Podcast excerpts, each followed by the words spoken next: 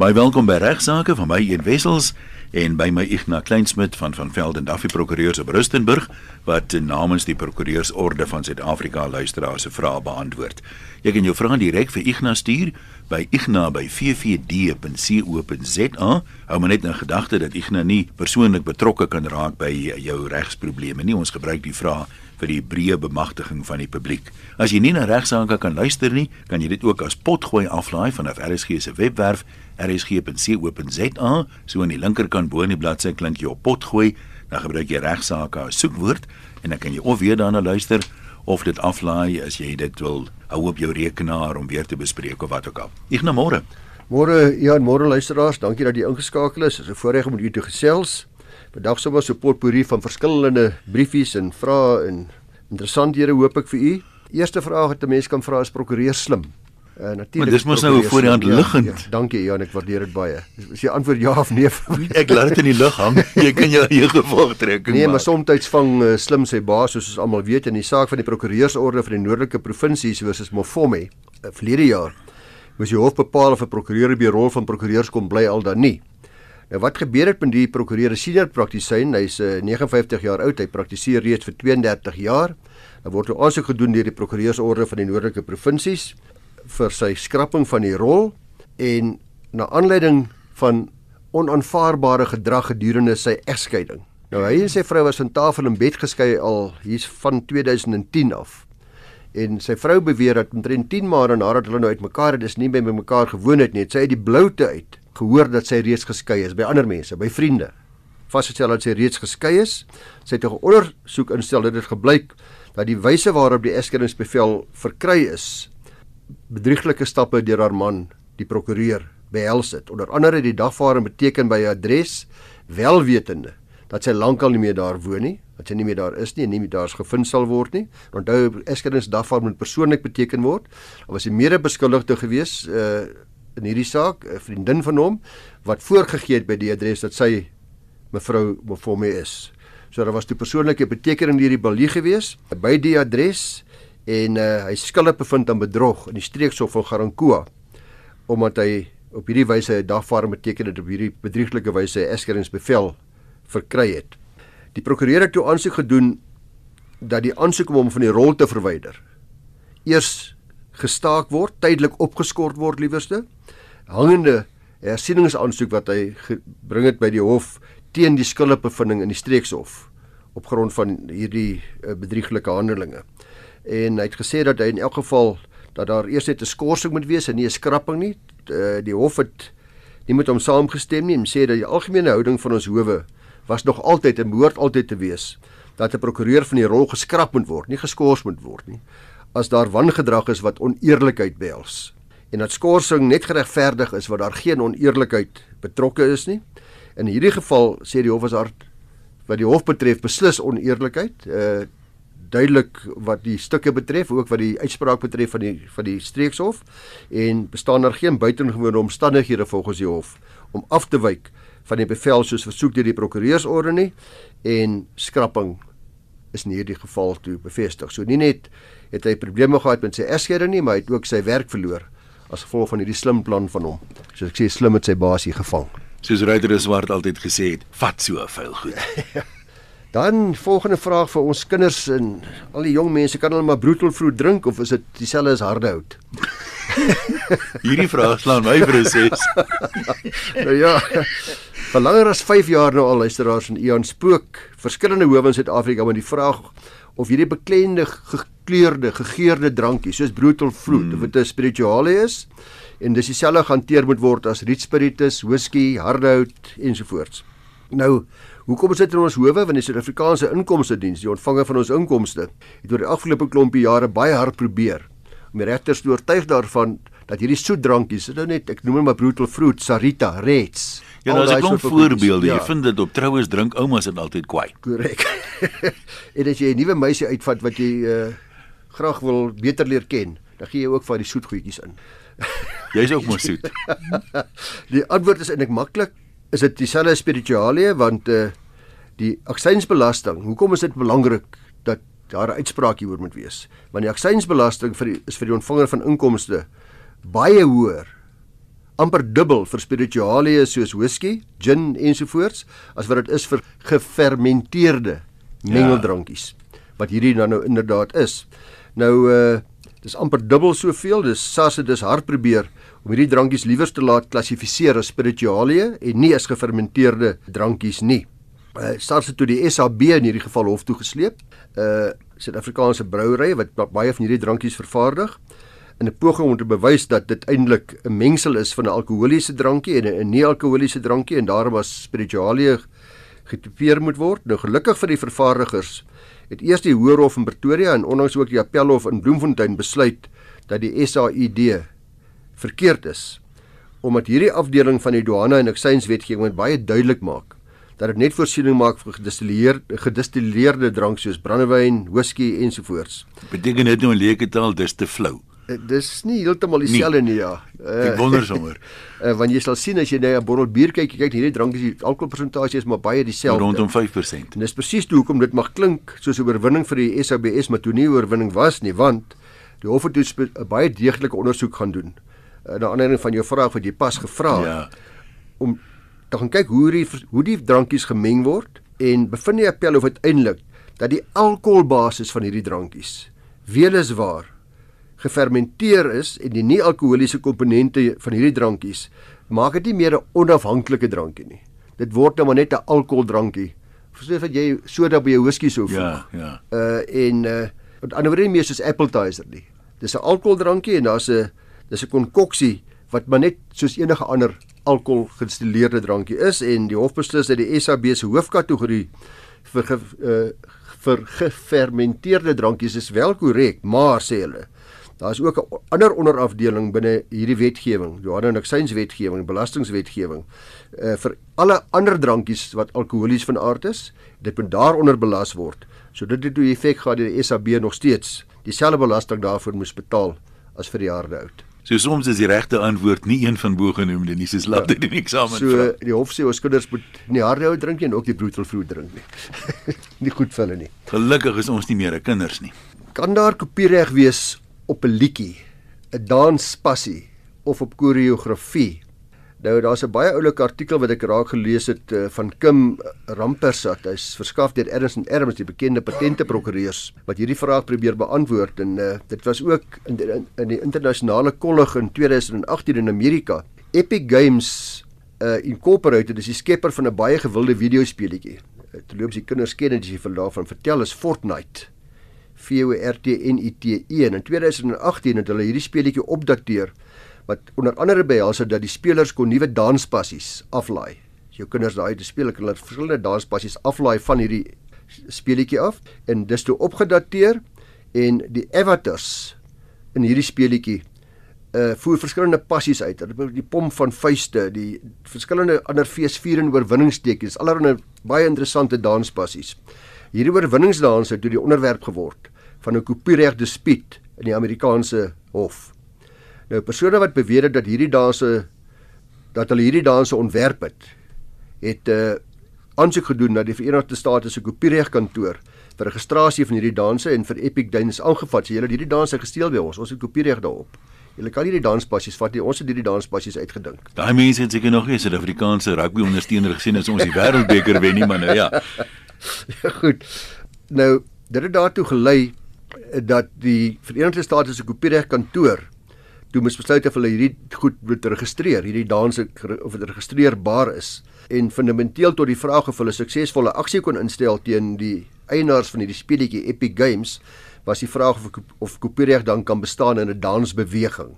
Uh in die FSA spesifiek maak wetgewing daarvoor voorsiening dat hy wel kopiereg kan wees vir koreografiese werke. Nou ja, uh, dit word dan gedefinieer as die samestelling en die verwerking van 'n aantal dansbewegings wat op mekaar volg, patrone vorm ensovoorts. En die Kopiereg kantoor in die FSA sê dan ook dat die gewone danspassies wat ons almal ken, wat op sosiale geleenthede uitgevoer word, soos by die rugby en waak nogal. Hulle sê daardie danspassies, as ook die eenvoudige dansroetines, dit word beslis uitgesluit van die definisie van wat beskou word as koreografiese werke. Ek sê weer daai mense ken nie my moves nie. nou volgens die artikels van Adams and Adams is daar verskeie hangende sake teen Epic Games toevallig in Amerika, nie net hierdie een nie.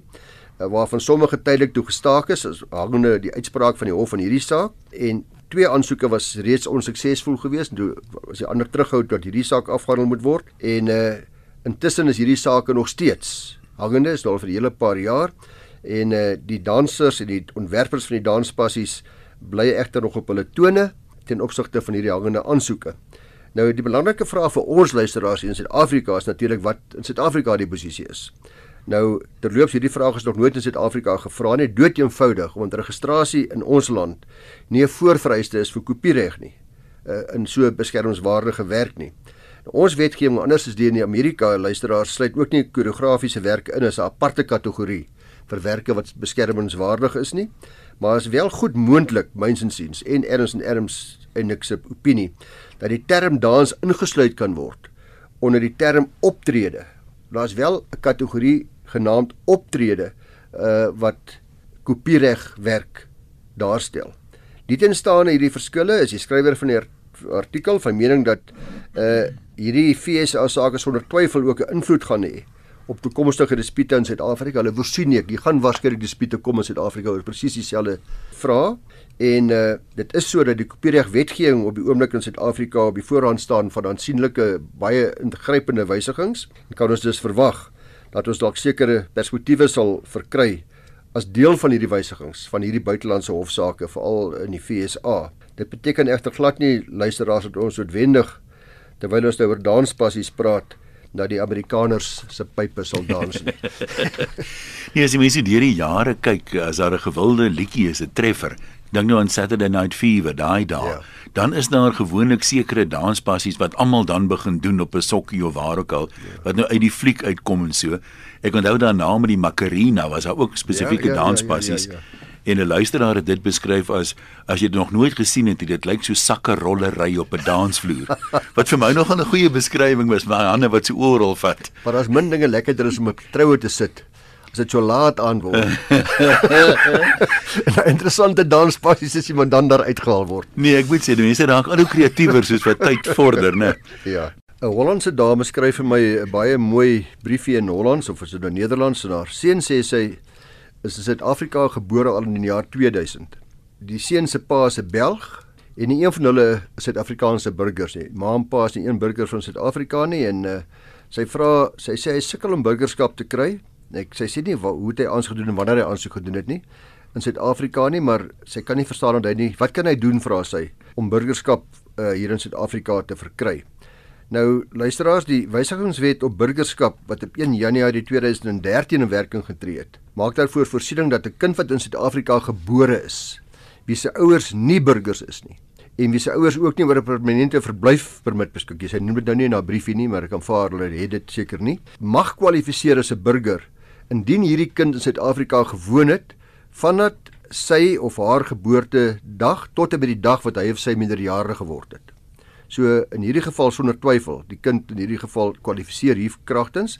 Dit word dan gekoppel aan die voorwaarde dat die kind se geboorte in Suid-Afrika geregistreer moet wees in terme van die wet op registrasie van geboortes en sterftes. Uh dis 'n wet hier van 2010. Ek neem aan enige geboorte in Suid-Afrika moet so geregistreer correct, wees. Ja, correct, al is dit buitelandse ouers wat sê maar net hier vir 'n jaar is op 'n kontrak. Maar as jy sou aansoek doen en sy geboorte is nie geregistreer nie, gaan hy probleme hê. Ja. Hy sal dan moet aantoon hoekom hy nie geregistreer was nie en daar's nog daar word voorsiening gemaak deur die wet van later registrasie van geboortes. Maar belangrik, hy moet geregistreer wees en hy moet hier gebore gewees het en sy ma en pa was nie permanente verblyfpermitte oor beskik of uh, of burgerskap nie.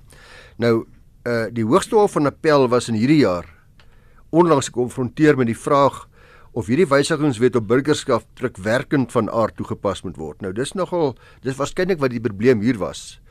Hulle het aansoek gedoen, neem ek aan, alhoewel die briefie dit nie sê nie, dis geweier omdat daar persepsie was dat die wet, dat die wet nie terugwerkend is. Die wet, die wet van 2013 op kinders wat net op kinders van wat na 2013 hier gebore is van toepassing is nie. Nou die appelhof het hierna gekyk en uh, want die minister van Middellandse Sake het aansoeke van vyf verskillende applikante afgekeur en hierdie vyf applikante kom nou en sê, "Hey, kyk net die wet. Dit lyk nie vir ons grondwetlik nie." Hulle is almal gebore in Suid-Afrika, hulle het die hele lewe lank hier gewoon al al vyf hierdie kinders, hierdie jong mense liewerste. En nie een van hulle het ooit 'n ander land probeer bly of permanente regte daar probeer kry nie. En hulle is ook nie burgers van enige ander lande nie. Nou na hulle meerderjarig wording is hulle aansoeke geloods soos ek gesê het, uh, hulle het ook gesê hulle het hulle het uh, burgerskap by wyse van naturalisering gekry en dis waaroor dit hier gaan. Hulle verdoen al die vereistes, maar die minister het geweier. Hy het gesê jammer, hierdie wet van uh, 1 Januarie 2013 is die afkapdatum en as jy daarna gebore was is die wet van toepassing andersins nie. Die Hoogste Hof van Appel het beslis dat die minister foutiewelik hierdie aansoeke van die hand gewys het. Die hof beslis dat dit 'n belediging is om mense burgerskap te weier wat in Suid-Afrika gebore is en nie aan al die nodige vereistes voldoen nie en dat die bedoeling van hierdie wet was beslis nie om eers net in werking te tree van 2013 af en was om onregte van die verlede ook reg te stel. Die hof gaan verder deur te sê dat dit beskou word as onbillike diskriminasie indien kinders wat dan voor 1 Januarie 2013 in Suid-Afrika gebore was, soos hierdie luisteraar die Hollandse dame se seun en die vyf applikante en hier meerderjarig geword het, nie die voordele van hierdie wetgewing kan geniet nie. So die hof antwoord die vraag deur te beslis dat hierdie wetgewing wel terugwerkend van haar toegepas moet word en haar seun kan beslis hierdie saak gebruik om dadelik weer heraansoek te doen en hy gaan waarskynlik slaag. Goed. Ek het 'n skrywe ontvang van 'n luisteraar wat na homself verwys as verward van Verwoerdburg. ek neem aan hy verwys na Centurion. Net verlede week te loop so ek neem aan dis dan 'n ouer luisteraar. Ja. Het 'n persoon uh, waar ek 'n visum aansoek gedoen het by die Duitse ambassade se agente uh vir my gevra of ek al skuldige mense losgekry het en nou sien ek se prokureur. En hoe voel ek daaroor? Nou ek het dit is nou sommer terwyl ons daar sit met gesels en praat met die visum aansoek. Nou hierdie is die skrywe vra dieselfde ding. 'n Vraag wat nogal algemeen aan prokureurs gevra word, dan hulle met die persepsie dat prokureurs mense verdedig vir allerlei misdade terwyl hulle nog duidelik behoort te weet dat hulle kliënte skuldig is. Ek verwys onder andere na die van Breda saak, hierdie luisteraar En hy sê hy kan nie glo dat die gesoute en ervare advokaat hierdie hof se tyd kom mors vir so baie maande nie. Terwyl almal met 'n redelike mate van intelligensie sê van die begin af moes geweet het. Ja, so 'n gewoeste aanname daai. Ja, baie baie baie aanname daai dat van daar skuldig is. Nou soos jy reg sê, ek stem nie daarmee saam nie. Hy verwys ook na die saak van Oscar Pistorius. Hy maak weer dieselfde gevolgtrekkings. Weer dat hy kan nie verstaan dat daar so baie tyd gemors is ensovoorts nie. Hy kom dan tot die gevolgtrekking in sy brief dat advokate en prokureurs misdadigers verdedig bloot om geld te maak. En hoe meer hoftyd hulle kan mors sê hy, hoe meer geld maak hulle. Ek kan jou 'n ander ding sê, gaan daai gevolgtrekking is gemaak voor hy met sy ondersoek begin het. Hy het net getuienis gesoek om dit te staaf. Dis altyd so met sulke mense. So, ja. Nou luisteraars, dis 'n vraag wat mense baie oor braaivleisvuur hoor. En dit uh, baie keer word mense daarmee gekonfronteer en dis belangrik om daarop te let in gevolg ons regstelsel in ons wetgewing daar spesifiek in die strafprosesreg bepaal word dat in 'n kriminele saak die staat die bewyslas het om die beskuldigde bo redelike twyfel skuldig te kan bevind. Uh dit behels onder andere dat beskuldigde sy of haar swygreg kan uitoefen en dan kan kyk of die staat wel genoegsame bewysmateriaal het om uh van die bewyslas teen hom of haar te kwyt.